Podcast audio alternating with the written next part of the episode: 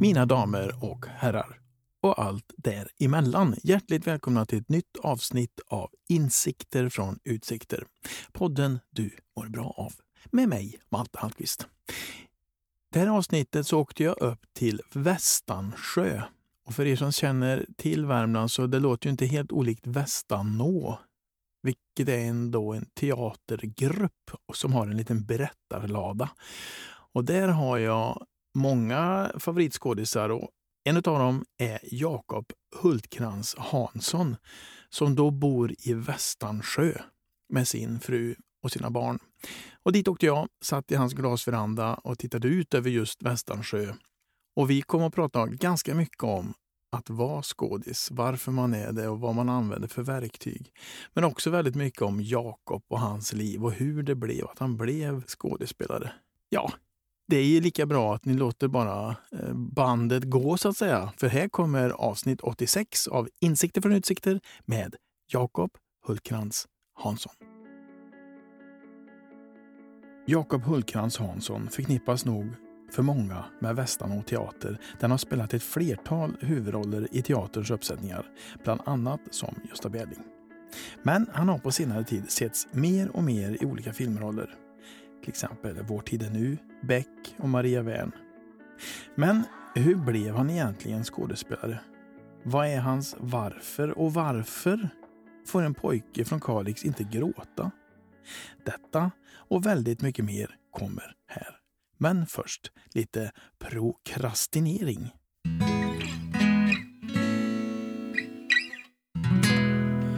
Att du hade en deadline idag. Ja. Och det är precis nästan på sekunden. Ja.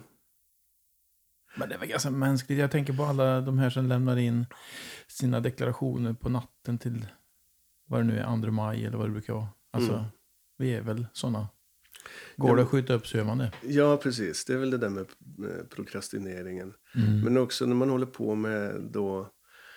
Eh, alltså man, man skjuter upp projekt som är viktiga, säger de. Eller som är kreativa eller sådana saker. Alltså man, man skjuter upp projekt som, är, som handlar om, om att, om att eh, förändra världen eller att eh, skriva en bok. Eller. Det är de grejerna som man, som man skjuter upp som man prokrastinerar. Men man skjuter inte upp att slötitta på tv. För det är inte Nej, så det- viktigt. Och så kräver du inget. Alltså skriva en bok. Ja, Eller hur? Det är det. Eller bara fylla ett tomt vitt ark. Jag får, ju, pan- alltså jag får ju panik bara jag tänker på det. Ja, det precis. Kära lyssnare, hjärtligt välkomna till ytterligare ett avsnitt av Insikter från utsikter. Podden du mår bra av.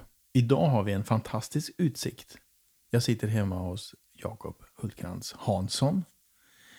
Eh, tack för att jag fick komma hit. Vi sitter i din, du sa det, glasverandan. Ja, Ja, Västansjö. ja, Är det Västansjö vi ser? ja, det är det. det, är det. Och du hade lite strand på den, eller hur var det? Jag har lite strand här och en liten brygga och sådär. Så det är en mysig, det är en mysig sjö. Den är mycket djupare än vad den ser ut bara. Det ser ut som det ska vara en liten pöl. Det tänkte jag första gången jag kom hit. Att, ja, vad mysigt att det är en, en sjö. Men den där är nog inte så djup så att man kan bada i den. Det är mera så här. Men det är den. den Hur går- djup är den då? Den är 29 meter djup. Ja. Så det är som Bottenviken typ. Och där fiskar du? Här går det att fiska. Sitter du ofta här? Ja, det här eh, använder jag ganska ofta som kontor. Mm. Eh, Det både- kan man förstå när man ser utsikten. Ja, men det är jättehärligt. Men det kan nästan vara eh, distraherande ibland att ha för bra Mm. utsikt. Det, det säger Stephen King i alla fall. När man skriver böcker då ska man alltså sitta i ett mörkt rum och eh, inte ha någon utsikt. Eller man ska vara ganska sådär, ett hörn av, Mm. säger han. Men jag vet inte. Jag, jag tycker om att kunna lyfta på blicken och titta ut. Jo, men jag kan nog hålla med han. Ja, vi är ofta ute på sjön på somrarna. Och jag har storslagna planer på att skriva saker eller läsa saker. Men det slutar oftast med att jag bara sitter och tittar. Ja, eller hur? Ja. Så ska man få något gjort så kanske det är ett mörkt rum. Som... Ja, ett tråkigt, litet. ja. Ja men jag tror det. Men när vi pratade om, vi pratade om det innan här med, med eh, prokrastinering och att man skjuter upp grejer och sådär. jag tror också att eh, att göra, alltså att bara göra utan krav på att det ska bli bra. Det är liksom medicinen mot det där att skjuta upp. Mot Mm. det här, den här känslan av att... Alltså att man bara tar sin portfölj och går till jobbet varje dag. Oavsett om det kommer bli bra eller dåligt. Jag vet inte om det kommer vara bra idag. Men jag går till jobbet ändå. Det är Mm. det som är att vara professionell. Det är att gå till jobbet. Jag försöker lära mig det där. Ja. Ja, ja Att- men att man för bara- dig som skådis också. Du måste ju nästan... Ja, men är bra. det. Ja, men så för är folk det. har ju betalt. Och, Eller hur? Vi kan inte sätta upp en skylt på teatern och bara inställt skådespelarna saknar inspiration. Eller? Nej. Nej. Det är ju på något vis närvarons medium. Alltså man måste ha lärt sig hur man koncentrerar sig tillräckligt mycket för att kunna vara närvarande just där och just då. Och när man går in och leker till 100 procent då funkar det liksom inte att vara någon annanstans samtidigt. Nej. Utan då är man bara i det rummet. Ja, det är ju nästan meditativt kan jag tycka. Ja, Här och nu-känslan. Ja, ja jag tappar liksom, eh, annars, jag tappar text, jag tappar om jag inte måste liksom vara i det. Det- Jag tänkte vi kanske skulle börja med en liten törr faktaruta bara. Ja, Rakt upp och ner. mm. Korta frågor, korta svar. Fullständigt namn. Jakob Hultkrantz Hansson, Ålder. eh, 51, Bor. Västansjö, Sunne, Civilstånd. gift. Familj. Två söner, Emil och Loke, eh, 20 och 16. Yrke. Skådespelare. Hobby. Oj, det är många jakt, eh, natur, hundar. Eh, hockey, sport, idrott, olika, tennis, pingis, allt med boll. Du känns ju som en sån här otrolig naturmänniska. Eh, Jag sa ju det till dig när jag kom hit att det är klart du bor så här. I en eh, stuga mitt i skogen. Med en utsikt över en sjö. Ja, nej men, eh, ja, nej men jag känner det som om jag är på rätt, på rätt ställe. Det är, eh, och det, också, det var också någonting när vi skulle flytta eh, ut på landet så, så var det viktigt för mig att det skulle kännas rätt. Och det, det blev det här. Vi är fruktansvärt nöjda med, med vårt hem här. Mm. Äter helst? Äter helst, alltså favoriträtten är nog Bookmakers toast. Om jag får göra den själv. Vad är det? Det är, eh, det är en brödskiva, dijonsenap, salladsblad, en eh, välstekt, alltså inte en genomstekt utan en rätt stekt eh, oxfilébit. Eh, bea, en tomatskiva och pepparrot ovanpå det. Och så en gärna pommes till det då, och ett gott vin. Mm. Och då sa vi ju också även eh, dricker helst. Ja, men helst vin till maten i alla fall. Ja. Det var en eh, stöddig macka. Ja, det är det. Ja. Det är det. Den är, den är, den är inte fin, den är ganska, men den är väldigt, den är väldigt god. Mm. Det är inte så fin mat, det är ju liksom, det det är som Nej. någon slags mellanting mellan, mellan burgare och, eh, och något eh, mera, Inspirationskälla. många, eh, många skådespelare. Jag tänkte, första jag kommer att tänka på Siv Rud. Ehm, Varför, det finns- varför var hon så bra? Nej, men hon hade någon, någonting som...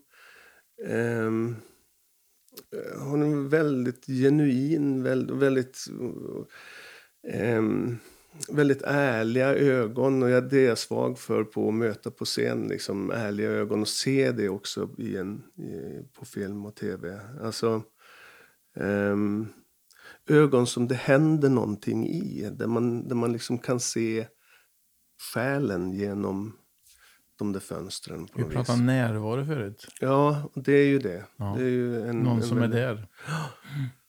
Ja, men hon tycker jag var eh, fantastisk skådespelerska. Och så, så såg hon också, hon hade ett utseende som, är, som jag tycker är spännande och, på en, en skådespelare. Kan du förklara det? Nej, men hon ser inte ut som någon sån här, hon är ingen klassisk skönhet och sådär. Men hon har någonting annat som är, som är spännande, som gör att man kan leta efter, det händer någonting i det ansiktet liksom. Mm. Det... Ja, Ibland så blir det för mig lite för platt, lite för enkelt, lite för eh, slätt. För att det ska bli eh, riktigt liv. Det känns nästan lite plastigt ibland när man Mm, ser vissa... Det är så... Det är så... Allting sitter precis helt rätt och, helt, och är så elegant och tillagt så det nästan blir overkligt. Liksom. Det blir nästan animerat. Och, och eh, jag gillar nog när det är mera skitigt och, och på riktigt. Liksom. Mera... Ja.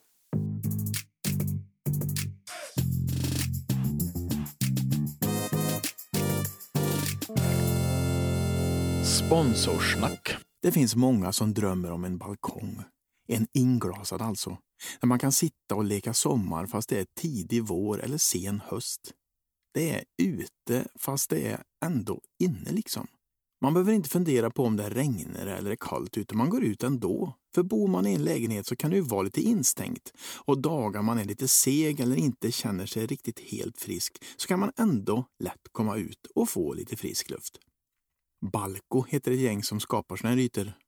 Balko stavas med C förresten. De gör både öppna balkonger men också då inglasade. Och jag var med när de invigde sina nya lokaler här i Karlstad. Jag fick på riktigt nästan en chock över så fina balkonger de gör. Ljusa och luftiga och flexibla.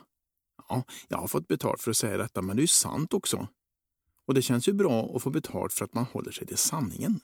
På scen kan jag ibland stå och hitta på vad som helst och ändå få betalt. Hur som helst, Balko och deras balkonger öppnar för så många möjligheter. Lite vardagslyx skulle man kunna säga. En plats för avkoppling och återhämtning eller varför inte en plats för fest. Ta kontakt med din hyresvärd eller din bostadsrättsförening och tillsammans går ni in på balko.se och se hur ni kan lösa detta. Balkongen i gränslandet mellan ute och inne.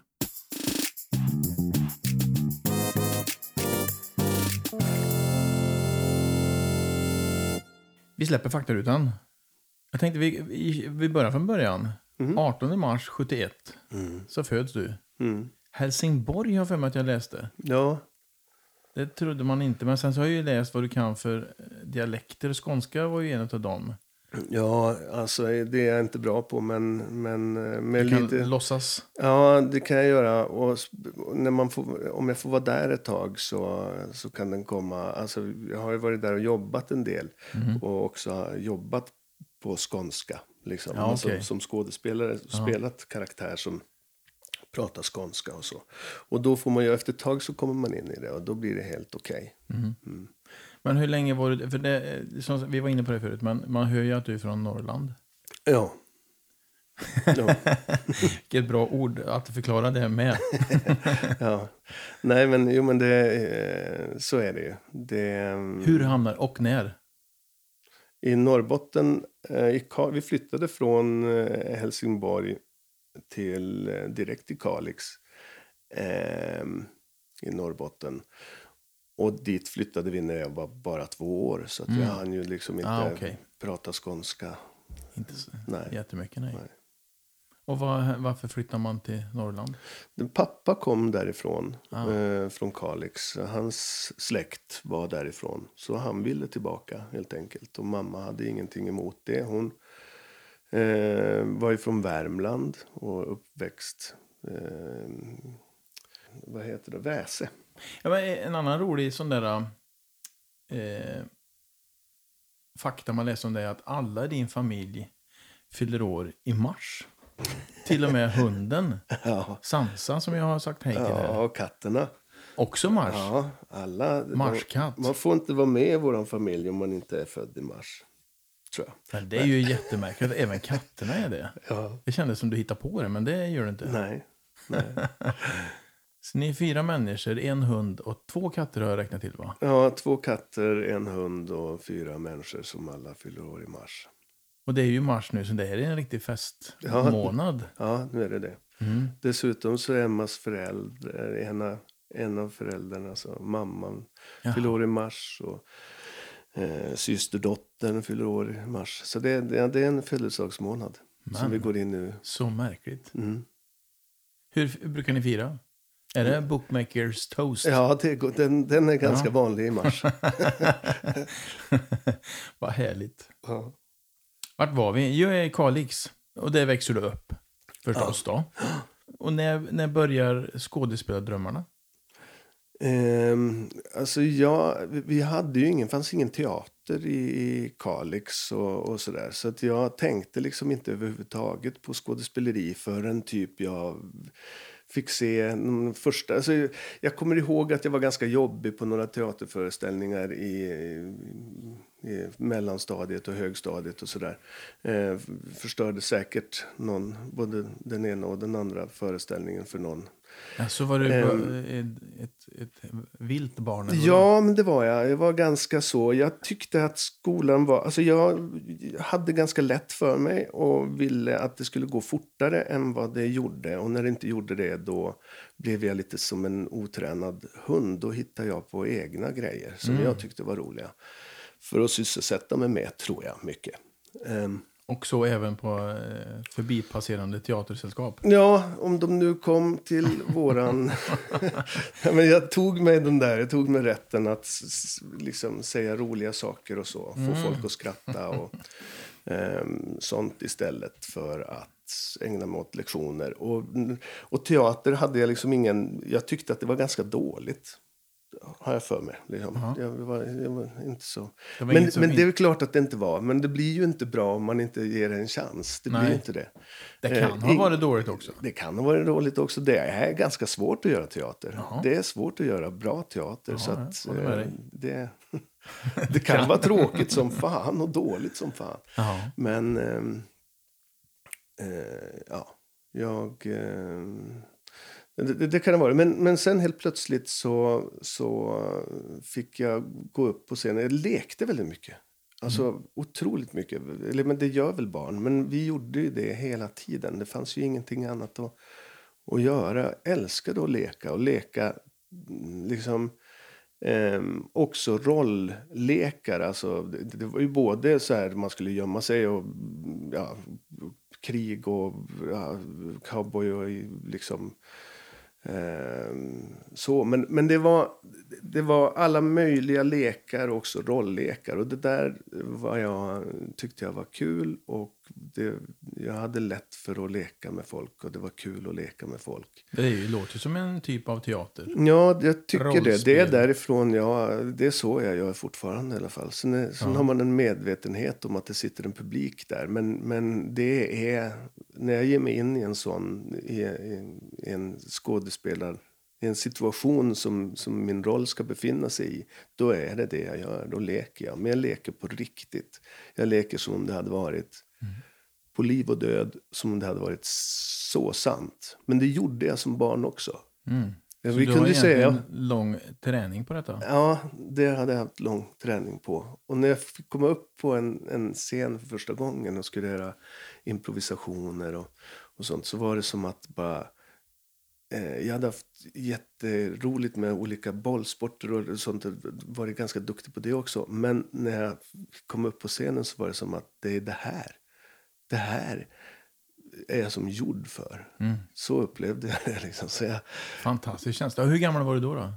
nej, men jag tror jag var en 14-15 år då. Och hur kom du dit? Ifrån att eh, tycka att det var väl inget för dig till att du går upp på en scen och improviserar som säger. Ja, nej men det var... Eh, min mamma var med i någon, något eh, teater, alltså en sån amatör, amatörteatergrupp I Kalix. i Kalix. Och eh, jag skulle väl bara dit och bli hemskjutsad av henne eller något sånt där. Så skulle mötas upp på samma ställe och så råkade jag kliva in där.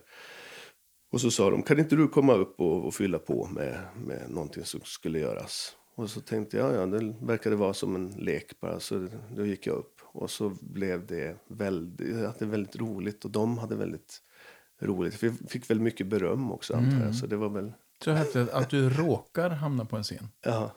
ja. Och vad händer i dig då när du upptäcker att det här är jag gjord för? Jag är gjord för det där momentet av att, av att leka på en scen. Det var jag gjord för. Men jag har inte varit gjord kanske för... för att, jag, jag hade ingen, sökte inte fokus. Eller, jag, på sätt och vis så gör man väl det om man sitter längst bak och försöker vara rolig. Men, men jag är också ganska blyg. Liksom. Så att, eh, jag ville inte vara i centrum heller. Så, och det, är så- Mm, det är ju eh, Det är något- paradoxalt. Men Ja. du, jag tänkte bara på det du sa. Att, att du upptäcker att det här är jag ju nästan som gjord för. Ja. Ja, men just den där biten med att eh, låtsas att, mm, alltså att använda sin fantasiförmåga och sin föreställningsförmåga och sätta sig in i en situation så kraftigt så att jag nästan tror att jag är där. Liksom. Det, det upplevde jag att det hade jag väldigt lätt för att göra. Och därifrån till beslutet att försöka ägna sig åt det. Ja, då var inte det så långt. För Nej. då, då, efter ett tag då, så fick jag göra några sådana... Jag började vara med på den där amatörteaterträffarna eh, träffarna och sådär. Och, så, ehm, och sen så bestämde jag mig för att jag skulle testa att vara med på i lite större sammanhang med olika halvprofessionella projekt och så som jag hade fått chans att testa på. Och då, eh, då kände jag att det här, det här vill jag fortsätta med. Det är det här jag vill göra. Alltså, jag, vill, jag vill jobba med skådespeleri. Det är det jag vill göra. Men det fanns ju inte, liksom, det fanns ju inte på kartan. Det fanns ju ingen som, det fanns ju ingen som höll på, alltså som höll på med det på en sån nivå där jag växte upp. Och ingen hade gjort det förut i min släkt eller sådär. Så att, Nej, så vad gjorde du, vad gjorde du då? Ja, men jag var tvungen att bara ge mig iväg för att söka den kunskapen någon annanstans. Liksom. Så jag flyttade ju hemifrån väldigt tidigt då för att börja. Men jag kom in sökte skola, sökte gymnasiet, sökte jag till Luleå. Det fanns två stycken skolor, det fanns tre tror jag, i Sverige. Då. Det fanns i Stockholm på Södra Latin, det fanns i Luleå. Så om det var Ljungskile eller något tredje ställe som det också fanns. Men jag sökte både i, Stockholm och i Luleå och kom in på bägge men jag vågade inte flytta till ända till Stockholm utan jag, jag nöjde mig med Luleå. Men det var ju Ja, ändå det är åtta mil modigt. bort. Då, så. Det var något teatergymnasium vi pratade om. Ja, sånt estetiskt. Det var en av de första åren som det där gick att söka i. Mm. Jag tror det var något år de hade haft en kull eller två innan mig. Och då är det tre år. Och vad händer efter det? Två år var den bara. Ja, ah, okej. Ja. Mm. Men, men sen så skulle jag söka mm, scenskola. eh, Men innan dess så skulle jag göra eh, lumpen. Så det gjorde jag i Boden. Och sen så började jag söka scenskola och så. Eh, Men jag kom inte in. Nej. Jag sökte tre gånger och var uppe i sista provet i eh, två av de gångerna. Och eh, Men där någonstans får du erbjudande om att spela i Per Gynt. Ja, då fick jag erbjudande där. Per Gynt har ju varit en, eh, en ganska central pjäs för dig, känns det som. Ja. För där träffar du Leif Stinnerbom. Mm. Ja, alltså... Jag hade träffat honom lite innan. Han var en av de pedagogerna som var inbjuden till att undervisa på, eh, på, väst, eller på eh, Teater Avalon. Så vi hade träffats i, i de sammanhangen lite grann innan. Eh, men jag bjöd ju också honom att komma och titta på de föreställningarna som, som vi gjorde. Så han var och såg först en föreställning innan dess. Och sen så var han och såg eh, Per Gynt också. 97 var det väl. Jag var lite sur på Leif där. Jag trodde att han inte ville ha mig. Att han, för han hörde liksom aldrig av sig. Men det stod, det var liksom, han kunde inte fatta det där beslutet. Utan det var den ledningen på den teatern som, som eh, skulle fatta det där beslutet. Och så var jag sur på honom. när han... Så jag, jag var lite så här, men du ville ju ändå inte att jag skulle komma. Eh, så var jag. Och då, Du vill ju inte ha mig ändå. ja, då blev han skitförbannad på mig. Eh, och sa att så var det inte alls. Och det, jag vill visst eh, jobba med dig och, och så är det. Men jag kan inte fatta det här beslutet. Eh, så tänkte jag, jag kommer ju aldrig mer. Jag kommer nu har jag gjort bort mig, jag kommer inte få jobba med honom. Så vart han så arg? Nej, men nej, det, alltså han bara markerar väl tydligt liksom att nej, s- hörru du, så här är det inte. Här har du fel. Eh, men, eh, men jag trodde, jag tolkade det ju som att jag inte kommer få jobba. Du fick gå därifrån med svansen mellan benen Ja, vi- det var, ett, det var ett telefonsamtal där Okej. som, som eh, när vi la på så ångrade jag mig ganska ordentligt över hur kaxig jag hade varit. Men, eh, men sen nå- några år senare så, så hörde han av sig och erbjöd mig en roll på Västanå. Och det var, vilken roll var det, din första? Ja, det var Gudmund i eh, Tösen från Stormyrtorpet som vi åkte på turné med då, med Västanå teater. För sen har du varit Västanå Teater trogen ganska länge Ja, och gjort det fantastiskt. Jag har varit och tittat på dig flera gånger. ja tack. Du har ju en eh, enorm energi. Så när du berättar hur du känner, hur du tänker när du kliver upp på scen så förstår man nästan det om man har sett dig. Du är som ett, eh, u, en urkraft som släpps lös. Tack, vad roligt att höra det.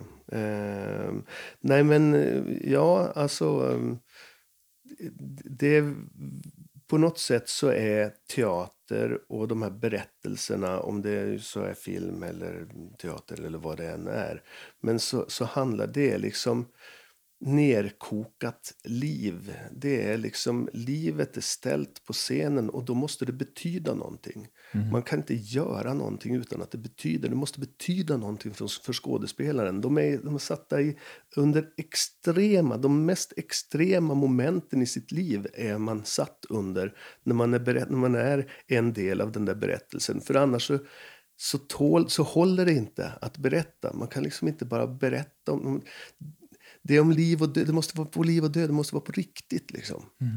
Och då måste det betyda någonting för skådespelarna när man gör det. Det betyder någonting för de här karaktärerna som är där. De är sitt livs största moment. Om det så är kärlek eller om det är ehm, att de är på väg att, att tappa bort något. Men deras vilja, deras drivkraft måste vara jättestark. Så det är väl det som jag känner när jag, jag försöker göra det så viktigt för mig. Liksom. Sen kan man inte vara det, man kan inte vara som ett yrväder hela tiden. Man kan inte vara liksom helt anspänd och helt jobba sig blå. Det får inte vara det heller. Men det måste finnas korn av det där på liv och död i det. Alltså i, i, i det. Och, och har man inte det, då behöver man, som de säger i USA, liksom, up the stakes. Liksom. Gör omständigheterna mm, kraftigare. Alltså, gör, dem, gör det viktigare för, för karaktären. Kan du ge Höj- ett exempel? Ehm, ja, eh, vad ska vi ta då? Mm. När Gösta Berling kliver upp på, på predikstolen där då i början så ska han predika.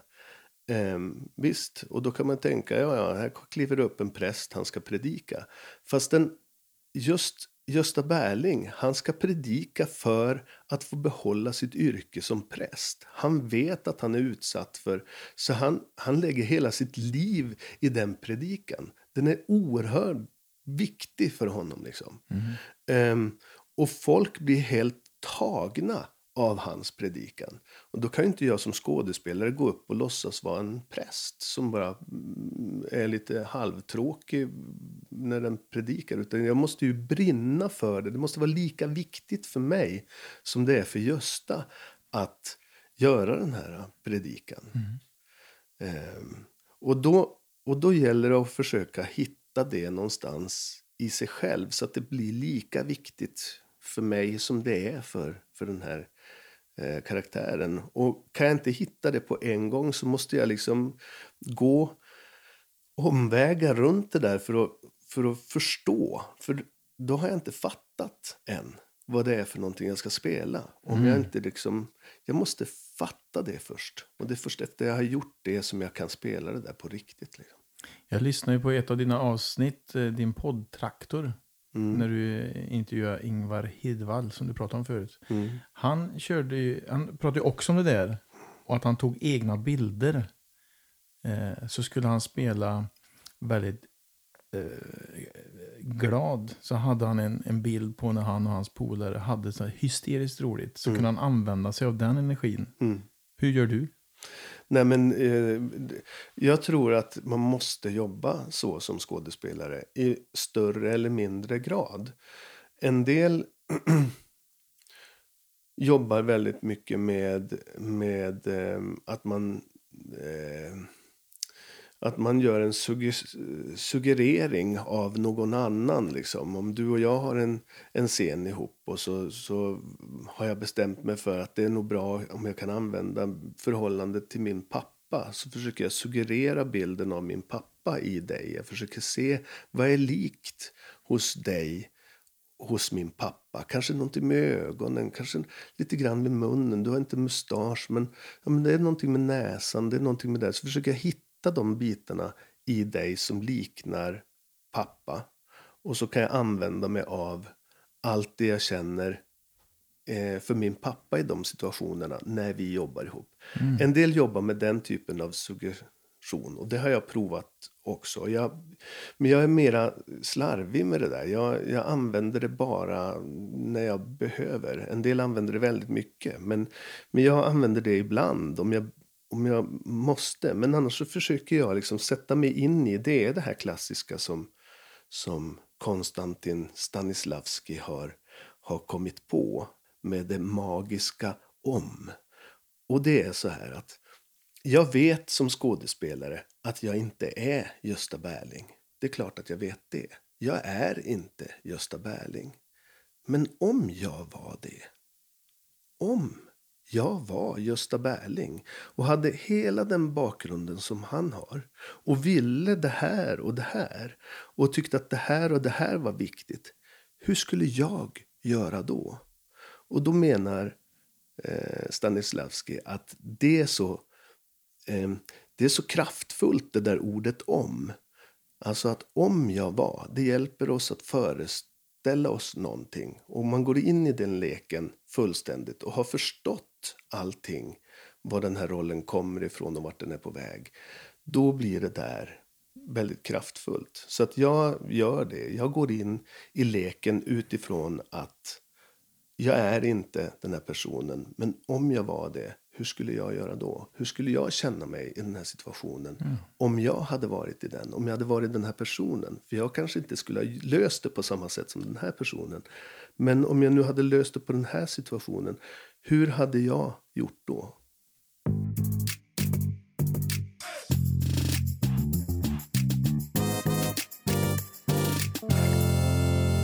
Sponsorsnack. Det finns köpcenter och så finns det köpcenter. Och så finns det Bergvik. Alltså Bergviks köpcenter. Bästa Bergvik. Jag gillar det stället, för där finns nämligen allt mellan himmel och jord.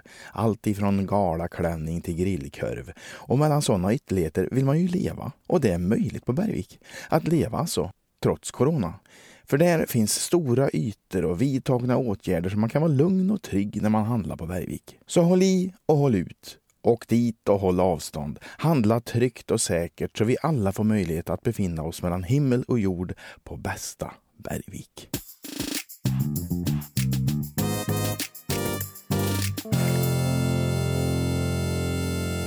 Ja, för du har ju, du har ju gjort en hel del tv nu. Du har varit med i Beck och Maria Wern och Vår tid är nu och Mattemorden som du pratade om och sådär. Vad har varit roligast hittills?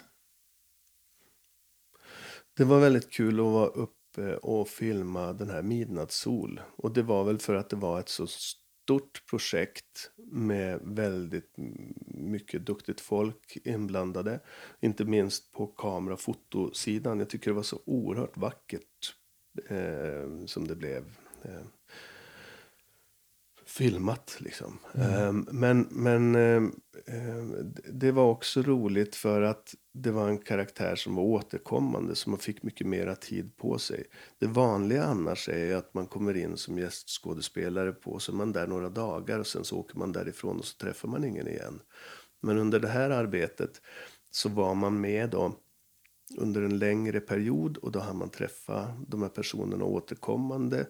Eh, och eh, han blir mycket tryggare och, och, så, både i, tillsammans med de andra skådespelarna och teamet. Och, eh, så därför dit, var det roligt. Ja, är det ditåt du söker dig? Att inte bara gästskåda utan eller gästskådespela utan mera få vara med? Ja, nej, men jag kan känna två saker med filmen. Det ena är att jag absolut vill göra mer projekt och vill, vill liksom hålla på med det. Ehm, men jag kan också känna att oavsett hur stora de här projekten blir eller hur små de än är eh, så är det samma problematik för skådespelaren. Att vi kan liksom inte hålla på och experimentera med vårt skådespeleri. Och eftersom jag är intresserad, genuint intresserad av att utveckla mig som skådespelare, inte bara genom att göra en filmroll då och då.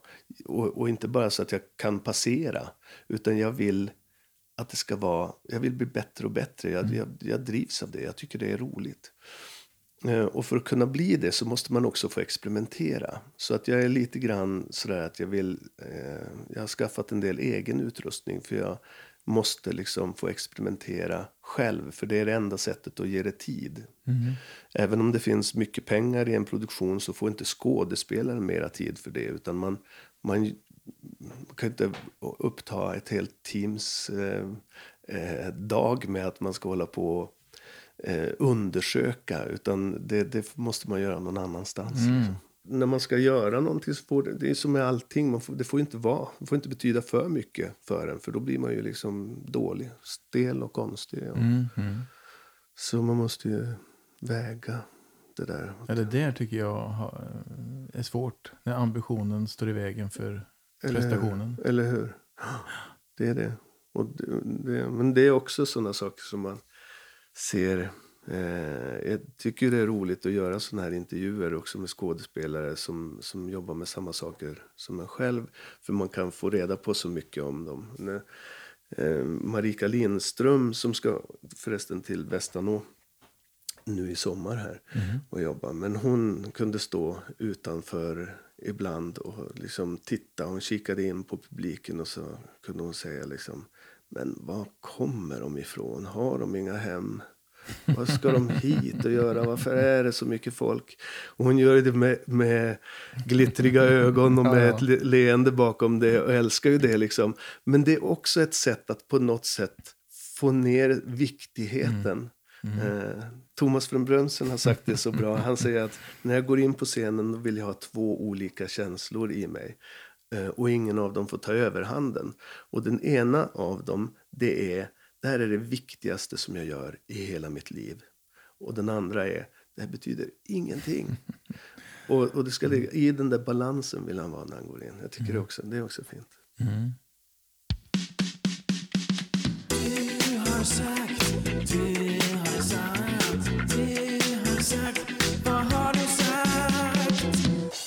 Vad var det du sa? Du, I min podd så har jag en liten pusselbit som heter Du har sagt. Mm. Så jag samlar på mig lite citat mm. från Jakob. Spännande. Så jag tänkte du kunde få förklara dem för mig här. ja. Jag har hållit på med otroligt mycket idrott och bollsporter under hela min uppväxt. Mm.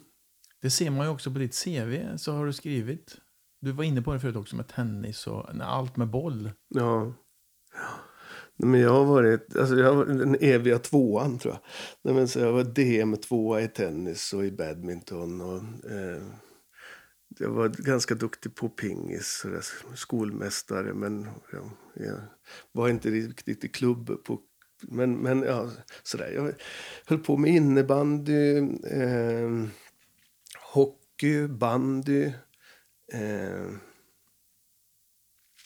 ja, eh, och sen då med de här olika racketsporterna då. Mm, och mm. fotboll var ju jätteviktig för mig. Hur mycket finns det av detta i ditt liv nu då? Nej, inte så mycket. Eh, men jag har ju haft nytta av det hela mitt liv. Alltså garanterat. På vilket sätt? Nej, men... Eh, eh, dels så är det ju eh, smidighet. Liksom, alltså det, att man fysiskt har en kropp som, som klarar av att göra saker. Liksom, att jag har haft det. Eh, så jag klarar mig ganska länge på att jag har jobbat så pass mycket fysiskt under min Liksom från att jag var, ja men, från att jag var sex år tills jag var 20 kanske, som jag höll på Mm. mycket. Mm. Eh, nej men alltså det, eh, sen så är det ju, det är ett intresse och jag tittar på sport på tv. Och, Du hänger ganska mycket på hockey med Leif Stinnebom. ja, vi Ja. brukar gå på hockey. Vi har gått mycket. Mm. Hur, vad, vad har han betytt för dig? Kan, kan man säga det? Alltså, nej men massor. Jag har ju lärt mig oerhört mycket av, av det samarbetet som vi har haft. Eh, jag tror att vi har lärt av varandra. Liksom. Han har kunnat någonting som jag inte har kunnat. Och, eh, men Leif är en väldigt, han är en väldigt intellektuell person. Och, och eh, har jättemycket med sig. Han läser oerhört mycket. Han kan väldigt mycket om de olika pjäserna som han sätter upp och sådär. Eh, han har lärt mig massor om hur man tänker och pratar och, och analyserar. Och hur man, han är så också väldigt, väldigt nyfiken och, och vill eh, ta reda på mer. Och det, så han, han har ju sökt också från mig kunskap om, om skådespeleriet. Men hur tänker du då? Men varför är det ett problem? Och hur, hur menar du? Kan man inte göra så här då? Hur man, alltså, Och så har vi sökt vidare tillsammans med många av de här sakerna. Så ja, det finns ingen eh, som har utvecklat mig så mycket. Alltså en det finns ingen person som jag har så mycket att tacka för tror jag som, som honom inom det här. Eh, inom det här. Har du sagt det till honom? Eh, ja, För du blir rörd nu ser jag. ja, nej men jo, det blir jag. Eh, ja, men han är viktig för mig i, i det här. Mm. Mm. Här kommer nästa citat. Det är coolt att vara nörd. Ja, Det är taget från Sweden Rolls tror jag. mm. det är det. Mm. Ja, det är det. Det är coolt att vara nörd. Alltså idag är det coolt att vara Mm. nörd. Mm. Eh, när jag växte upp så var det töntigt att vara nörd. Eh, då var det att vara... Eh, ja, att vara inte som alla andra utan... Men nu är det coolt att vara inte som alla andra. Nu vill vi, söker vi namn som inte är som alla andras. Då skulle alla heta Patrik och Thomas. Och, eh, men nu så är det inte så. Det är mycket mer tillåtet att man ska ha sin egen stil. Man ska inte alla... När jag växte upp då hade alla Salomon-handskar. Då hade alla likadana jackor och likadana mössor. Och alla såg likadana ut och det var så man skulle vara då. Mhm. Men idag så är det inte så. Nu värderas eh, att man har valt, att man har tänkt någonting. Att man står för någonting eget. Liksom. Och att vara nörd idag, det är ett positivt ord. Att man nördar in sig på någonting. Man, man är passionerad över någonting. Man älskar det man håller på med så mycket så att man går in i en så specifik detalj runt det. Ehm, och det finns massor med sådana personer och vi älskar det. Vi äl- för vi kan lära oss någonting av, av alla de där som, som kan någonting så speciellt. Och vi älskar att någon älskar det där. Även om jag inte förstår mig på det ens. Så är det så idag är nördarnas tidsera. Jag spetsar till det. ja, Mhm. ja. Ja, men jag har också tänkt på det där. Att förr så var det mer åt det idiotiska hållet. Och nu är det mer åt det smarta hållet. ja. Det där är ju en, eh, taget ifrån en av dina podcasts som heter, eller dina, men du är med där. Mm. För du hade ju, vi, vi har pratat om Ingvar, Ingvar Hirdvall en del här och det, han var ju med i ett av dina avsnitt Mm. av eh, traktor. Mm. Men det blev bara tio avsnitt. Nej, nej. Nej, det finns många fler avsnitt. Det gör det ja. Men det Ja. finns tio att lyssna på. Nej, men, det fin- ja, men jag förstår vad du menar. Det är bara jag som skojar lite grann där. Och jag försöker liksom rättfärdiga det för mig själv på något Okej. vis. Ehm, men det är på gång. Jag satt och klippte för inte så länge sedan. Och folk hör av sig. Jag blir jätteglad för att folk tycker att det är så kul med podden och sådär. Och jag har också lovat dem att det kommer mer. Ett sista du har sagt. Det har förföljt mig att jag inte kommit in på scenskolan. Ja. Ehm, det gjorde det nog i min tidiga eh, karriär. Så var det så. Eh, det, det finns något mått av eh, som jag fortfarande kan känna att om, för jag hade liksom tanken då när jag var 19 att om någon ska komma in på scenskolan så, så är det jag. Jag kommer ha så otroligt mycket att hämta där och jag ville det så fruktansvärt mycket. Och jag var så eh, jag var så fokuserad på att det var det som jag skulle göra. Och, eh, och sen så hamnade jag i ett läge när jag hade sökt där jag kände att nu måste jag bestämma mig för om jag ska bli skådespelare eller scenskoleelev. Och då, det var ju när jag fick den där rollen som, som Per Gynt. Skulle jag tacka ja till den som 25 år och få göra rollen som Per Gynt, som är en jättestor roll. Ehm, eller skulle jag tacka nej och söka scenskolan? Och då kände jag så här, jag kan ju inte hålla på att tacka nej till riktiga jobb för att jag vill bli scenskoleelev. Utan nu får jag köra på det här. Och så körde jag. Men det är en ganska snirklig och tuff väg att gå. Det där med att man aldrig kan... Eh, man kan liksom aldrig luta sig tillbaka. Man har ingenting att falla tillbaka mot. Utan man är hela tiden i... mm, Där man måste bevisa någonting. Man måste bevisa Kan det, är det där i dig, tror du? Eller tror du andra lägger det på dig att du ska bevisa att du inte har gått i scenskolan? Nej, jag tror att det är um, i första hand hos mig. Ja. Absolut. Men, men jag, ja, det kan nog finnas hos... Men nu så är det inte riktigt... Nu har jag gjort så mycket under så lång tid så nu är inte det riktigt så stor grej. Men det har varit en, Mm. en ganska stor grej. Det var ganska länge det. Liksom att jag kände att jag inte hade rätt nästan att hålla på med det jag gjorde. Därför att jag inte hade utbildningen. Det där är märkligt. Du är inte ensam om det där. Jag hade Louise Hofsten sittande mitt emot mig som också då tycker att hon saknar utbildning från Mm. eh, au- autodidakt helt enkelt. Eh, och att det har förföljt henne tills nu. Ni- Jag har på, hållit på ungefär lika länge. Mm. Att till slut så har man gjort sina år Mm. som man kan tycka att nu har jag gjort min utbildning. Ja, så är det. Men det är märkligt att ni ska behöva gå runt och känna det. Ja, Vad jobbigt för er på något vis. ja. Jo, Att man det- inte vågar kalla sig för skådespelare för att man inte är utbildad. Ja, Men nu sa du det när jag frågade om eh, vad du har för yrke. Då sa du skådespelare. ja. Ja, det nej men det, det, så känner jag ju liksom. Det har jag gjort nu så länge. Det, Mm. Så är det ju liksom. Mm. 30 år i, i yrket, då, då får man väl säga att man, alltså man har gjort det i princip hela tiden i 30 år. Då, då vore det väl illa om man inte kunde liksom... ja, ja, det tycker jag. För att jag har, alltså det finns två olika svar där på de som har utbildat sig och de som inte har utbildat sig. Att, då säger man att man är skådespelare. Mm. Eller så säger man att man jobbar som. Mm.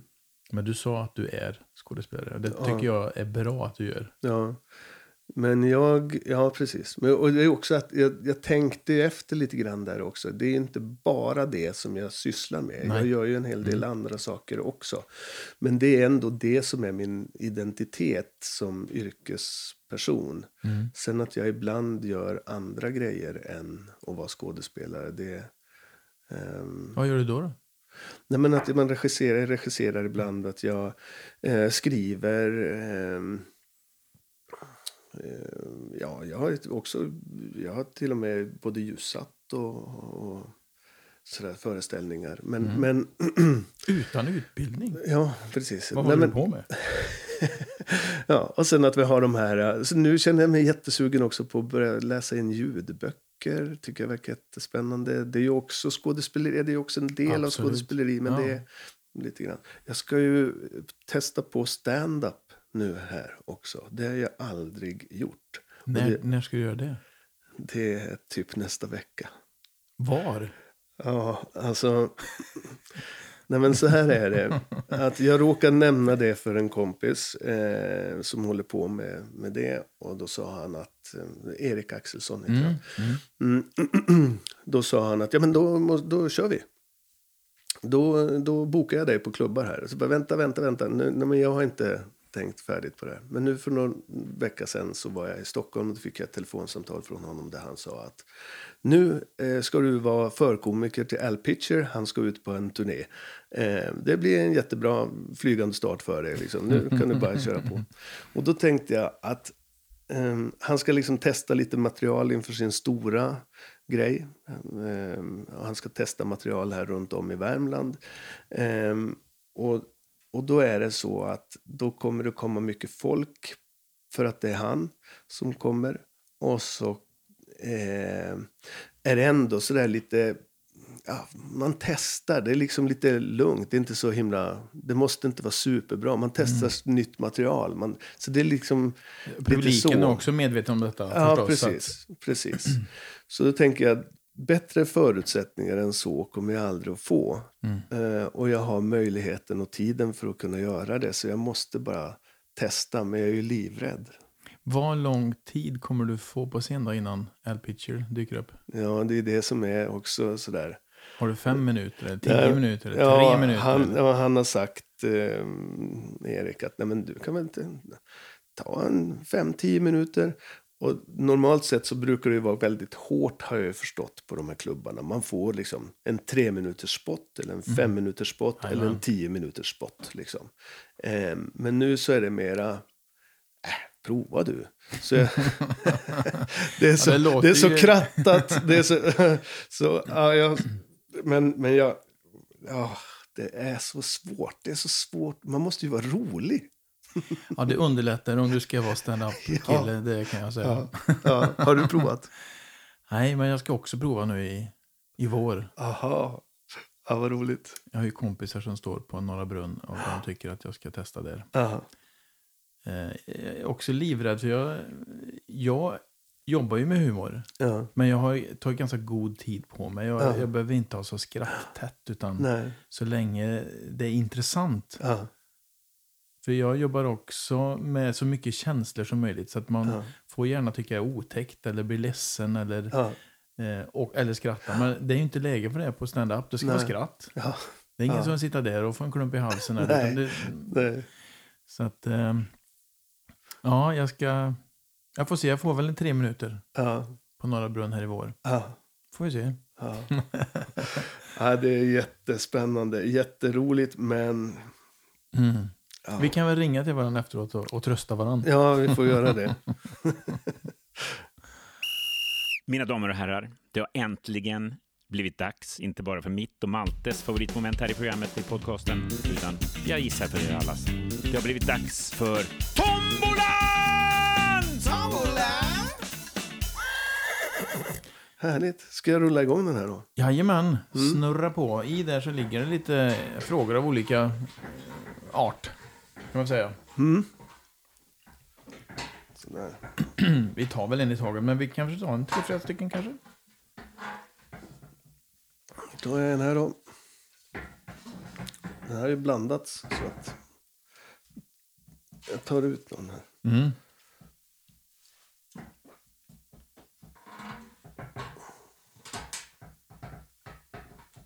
Så. Nu vi se. Det bästa tipset du någonsin fått? Ehm, ingen kan lära dig någonting. Allt du kan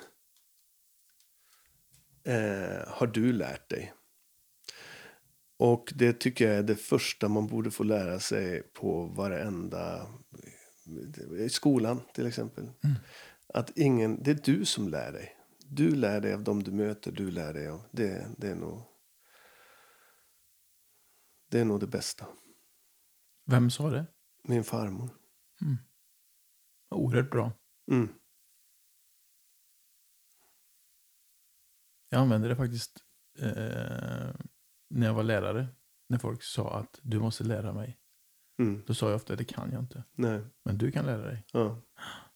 Nej, men det är ju det. Och, och just det här med att allt du kan, allting som... Om man tänker efter, är du bra på någonting?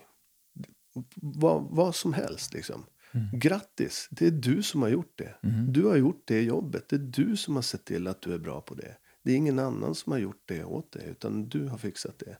Och det är häftigt och det kan man göra om och om igen med olika saker. Om man vill tillräckligt mycket, om man har tillräckligt mycket liksom envishet och sådär, så kan man bli bra på allt i princip.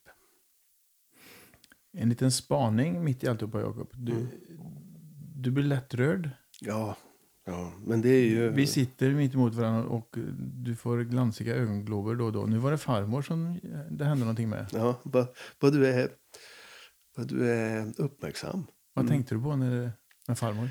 Nej, det är ju att hon är borta sen ett tag tillbaka och att eh, hon eh, var väldigt viktig för mig. Hon var också en sån som var en berätterska, liksom. En person som, som eh, från att jag var liten så har jag lyssnat på henne väldigt mycket. Vi tar en till. Mm.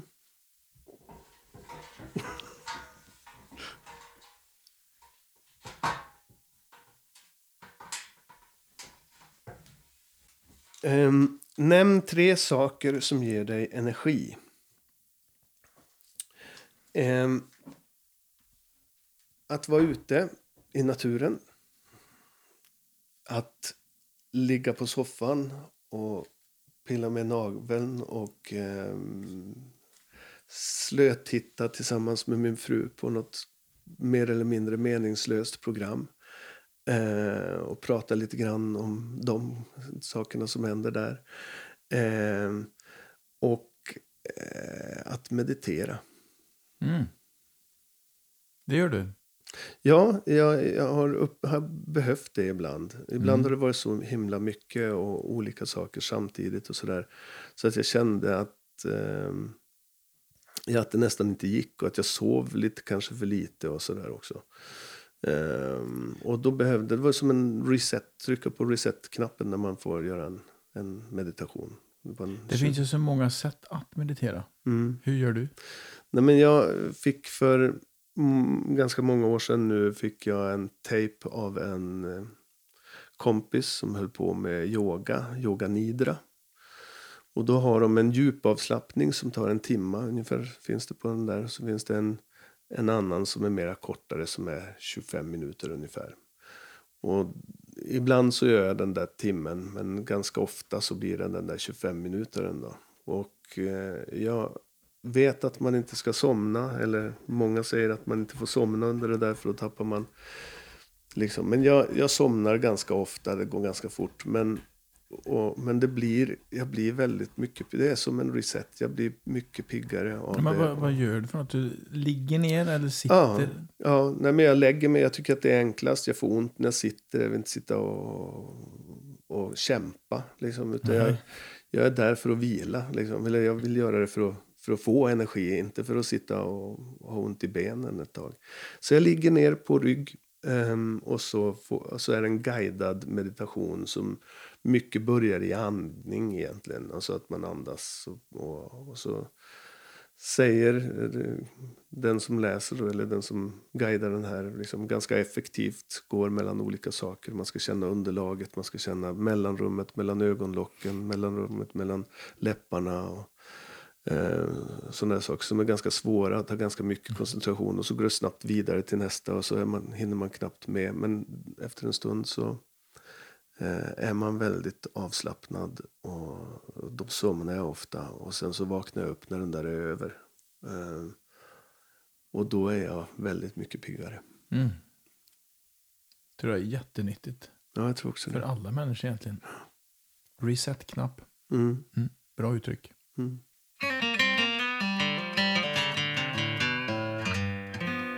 Avslutningsvis.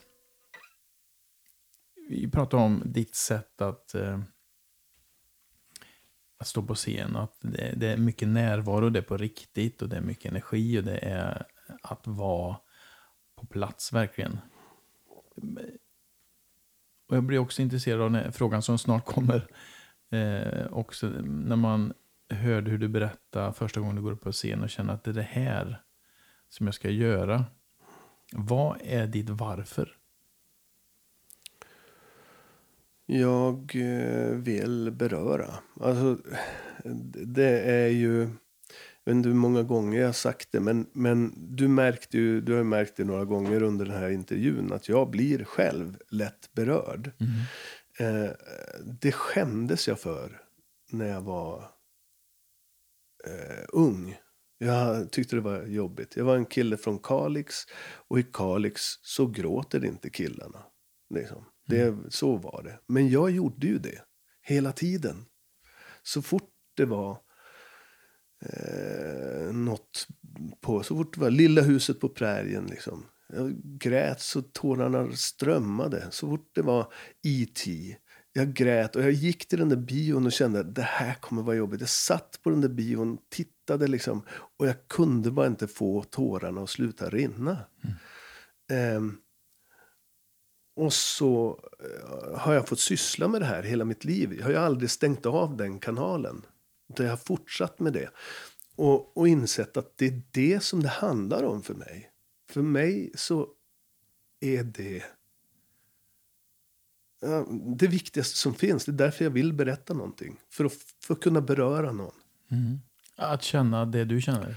Ja, eh, måste inte känna som jag känner. Måste inte känna lika mycket som jag känner heller. Men om jag kan få en människa att bli berörd, då vet jag att jag påverkar dem kanske för resten av, av livet. Alltså det, det, är någonting som är så, så djupt i det där när man blir berörd med någonting. Det, det slår an någonting som, som kan få en att, att ändra uppfattning och ändra mm, ändras som person, frågasätta saker. Liksom. För man, man inser något på djupet när man känner någonting. Mm. När det slår an det där. Liksom.